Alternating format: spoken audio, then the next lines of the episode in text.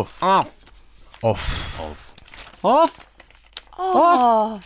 off, off. Off. Off komentar.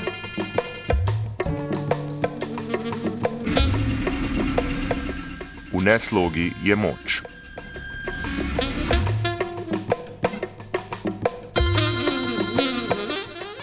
Po julijski javnomnenjski raziskavi, ki jo je pripravila agencija Nina Media, Janševa vlada uživa najnižjo podporo doslej, nižjo celo od ocene Pahorjeve vlade pred njenim odhodom.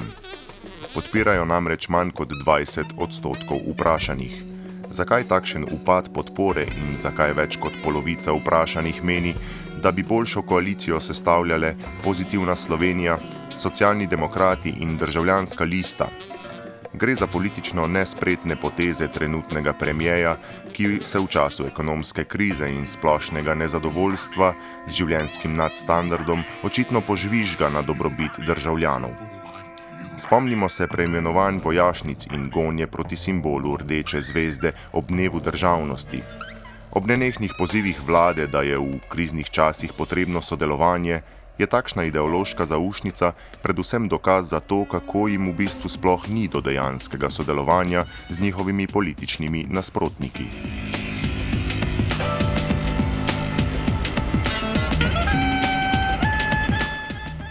Ker sodelovanja pri očitnem ciničnem odnosu ne more biti, se je Janez Janša prejšnji teden moral poslužiti drugačnih političnih tehnik, konkretno izsiljevanja. Omenil je namreč možnost vezave zaupnice na sprejem zlatega fiskalnega pravila v ustavo in tako zagrozil s ponovno politično krizo. Ta poteza je bila na to sicer modro umaknjena, najbrž zato, ker je vedel, da bi vlada padla, sam pa ne bi dobil ponovne podpore, saj je denimo njegov koalicijski kolega in predsednik Slovenske ljudske stranke Radovan Žerjav v izjavi za televizijo Slovenija dejal, da ob morebitnem padcu vlade naslednjič ne namerava ponovno podpreti istega mandatarja.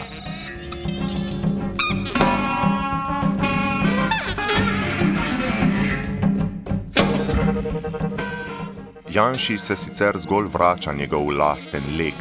Po letih izvajanja ostre opozicijske politike je z vstopom pozitivne Slovenije v državni zbor požel, kar je sejal. Nujno je namreč bilo, da se bo ob tako populistični desnici slej kot prej morala pojaviti tudi populistična levica. In kakor sam ni dal dihati nekdanjim vladam, oni sedaj ne dajo dihati njegovi. Toliko o zgodbi potencijala Slovenije, ki naj bi se bila zmožna razviti kot Švica ali Singapur.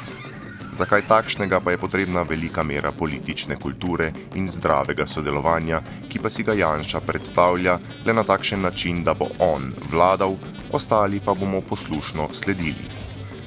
Ker to ne gre, se morajo on in njegovi ministri posluževati podobnih političnih strategij kot Margaret Thatcher v 80-ih letih prejšnjega stoletja. Njen koncept Tina, There is no alternative oziroma ni druge alternative, se implicitno ali eksplicitno pojavlja v vladnih sporočilih za javnost. Takšna dikcija pa implicira dvoje. Prvič, ne samo, da je njihova strategija vodenja države edina pravilna, ampak s tem, ko so jo postavi za edino možno, postane tudi absolutna. In drugič, kakršnekoli interese, prepričanja ali mnenja imamo državljani, so pravilni zgolj, če se skladajo z, dok z doktrino, ki nam jo prodajajo, drugače pa so napačni. In to absolutno. Kot nekoč v socializmu, lahko najbrž tudi v demokraciji govorimo o enoumju.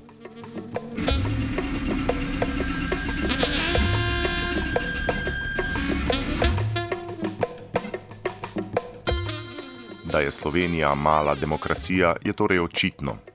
V državnem zboru in vladi se malo kdo zaveda, da v demokraciji ne moreš vladati absolutno. Prednost demokracije je ravno v tem, da so sprejete odločitve produkt demokratičnega procesa, ki poskuša vanje upeti čim več možnih interesov. Res da gre za to v večini za kompromisne odločitve, ki morda ne generirajo najvišjega možnega zadovoljstva, saj nikoli ne zadostijo nekim interesom v celoti, so pa zato te odločitve in njihove posledice najmanj agresivne in škodljive do interesov v neki družbi. Demokracija zato deluje le, dokler interesi v tej družbi ne postanejo radikalizirani in polarizirani, kar pa se dogaja danes. Utopije rastejo kot gobe po dežju, tako na politično levi, kot tudi na politično desni strani. Želja po koncu sistema ni bila tako visoka namreč že od 30 let prejšnjega stoletja. Takšna polarizacija interesov, prepričanj in želja dela z ljudmi vernike in ne kritikov, iz hipotez pa doktrine in ne teorij.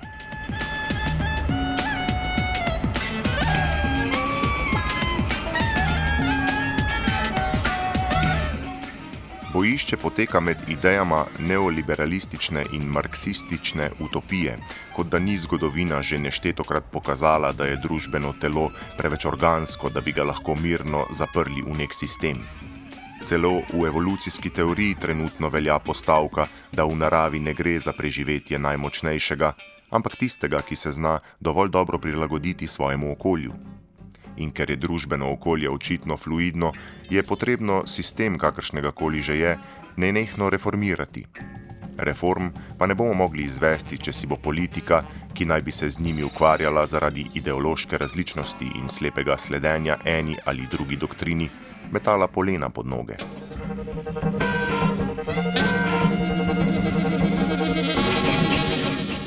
Formula je enostavna ko bomo na državnem nivoju imeli sposobne politike, takšne, katerih primarni interes je blaginja države, bo tudi javna podoba vladajočim višja od mizernih 20 odstotkov.